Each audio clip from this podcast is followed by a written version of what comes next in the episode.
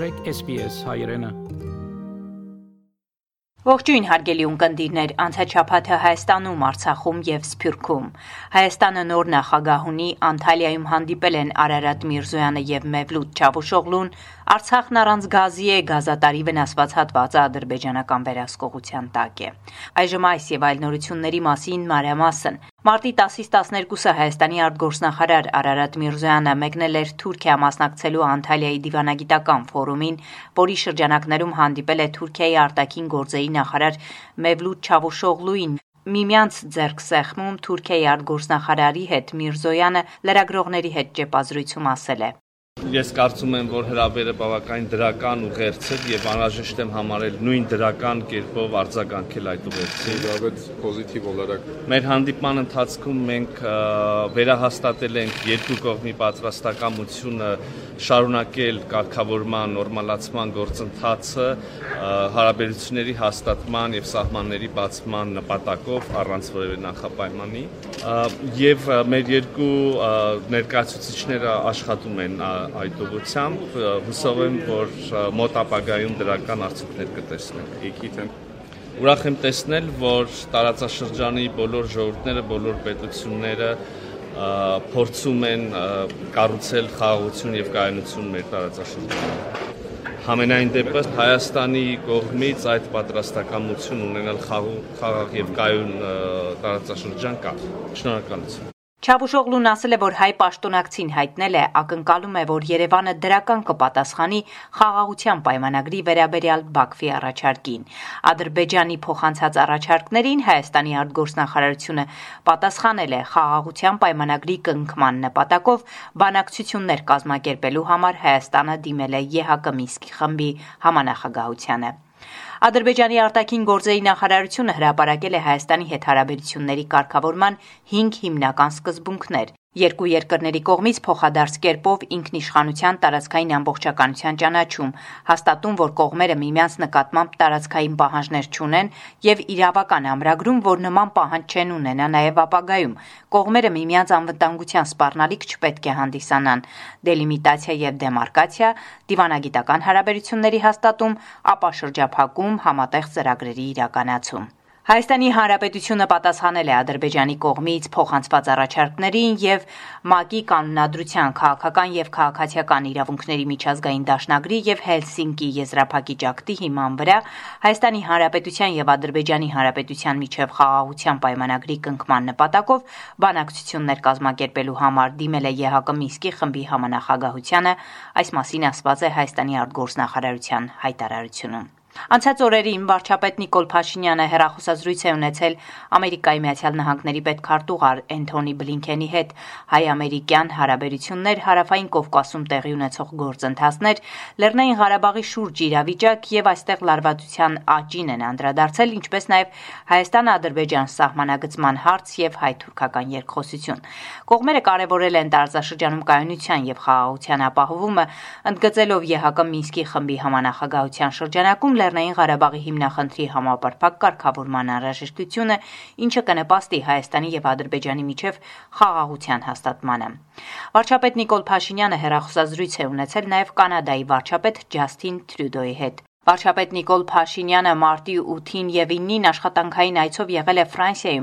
Այցի շրջանակներում վարչապետը հանդիպում է ունեցել Ֆրանսիայի նախագահ Էմանուել Մակրոնի հետ, այնուհետև երկու երկրների առաջնորդները Փարիզում մասնակցել են հավակնություններ Հայաստան-Ֆրանսիա խորագրով համաժողովին, որը նվիրված էր երկու երկրների միջև դիվանագիտական հարաբերությունների հաստատման 30-ամյակին։ Այո, մենք հայերս երախտապարտ ենք եղբայրական Ֆրանսիայի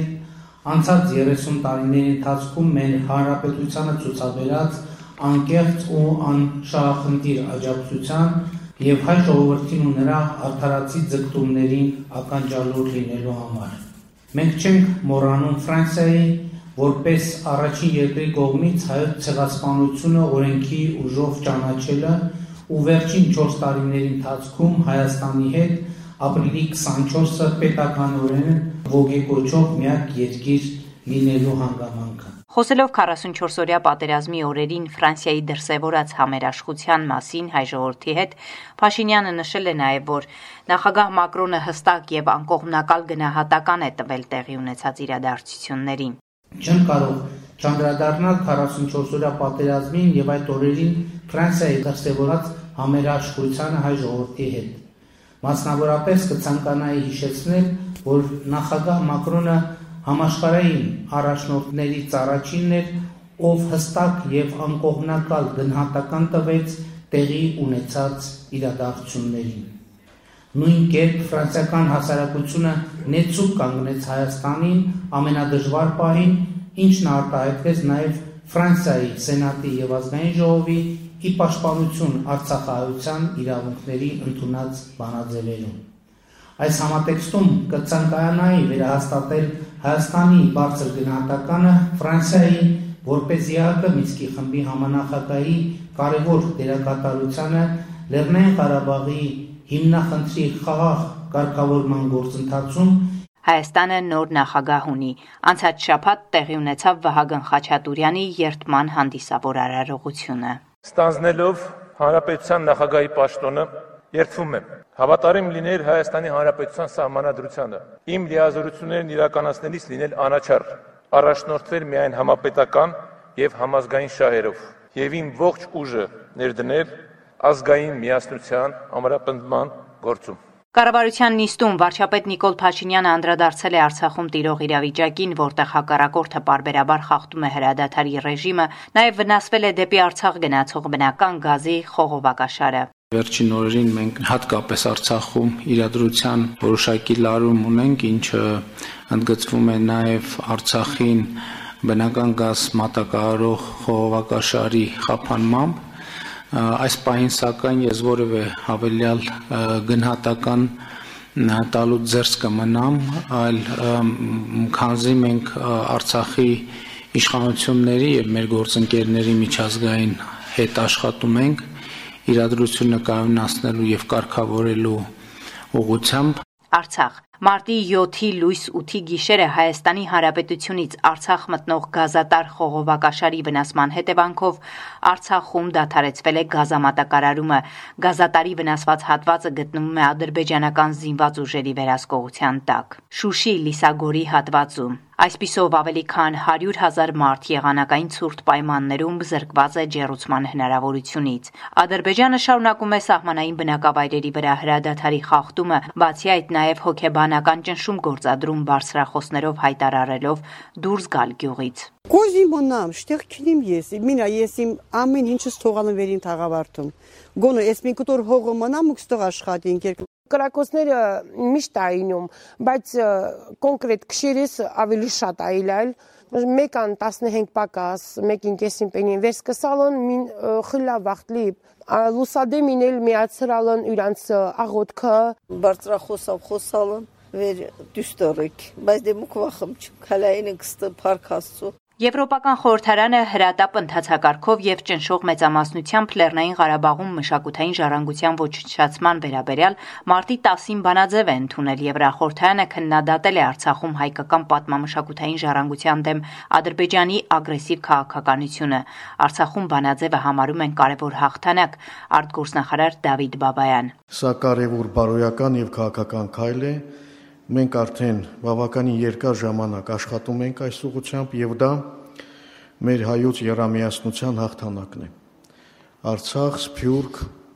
Հայաստանի Հանրապետություն Սփյուռք մարտի 14-ին Հայաստանի արտաքին գործերի նախարարությունում տեղի ունեցել հանդիպումներ Հայաստանում հավատարմագրված դիվանագիտական ներկայացությունների ղեկավարների եւ միջազգային կառույցների ներկայացուցիչների հետ հանդիպումների ընթացքում օտարերկրա դիվանագետներին է ներկայացվել Ադրբեջանի կողմից Արցախում հումանիտար ճգնաժամ առաջացնելուն ուղղված գործողությունները, այդ թվում գազի մատակարարման շարունակական խաթարումը, ենթակառուցվածքների եւ քաղաքացիական բնակչության թիրախավորումը, Արցախի բնակչության նկատմամբ հոգեբանական ճնշումների գործադրումը։ Ռուս-ուկրաինական հակամարտության սրման առաջին օրվանից փետրվարի 24-ից Ուկրաինայի Սլովակիայի սահմանը ցամաքային ճանապարհով հատել է Հայաստանի 134 քաղաքացի, այս մասին ասել է Սլովակիայում Հայաստանի պատվավոր հյուպատոս Բագրատ Հակոբյանը։ Բագրատ Հակոբյանը ասել է, որ Սլովակիայի սահմանն անցնելուց հետո Ուկրաինայից հերացող հայերին կացարանով են ապահովում առաջին անհրաժեշտության պարագաներ, սնունդ տրամադրում անհրաժեշտության դեպքում օգնում լուծել նաև փաստաթղթային խնդիրները։ Այսքանը անցնող շաբաթը Հայաստանում, Արցախում եւ Սփյուռքում SBS-ի համար ամփոփեց Գիտա Իլբեկյանը։ Կուզես լսել նման բանություններ, կընտրե Apple Podcast-ի, Google Podcast-ի, Spotify-ի վրա, կամ որտեղեն որ podcast-ը կլսես։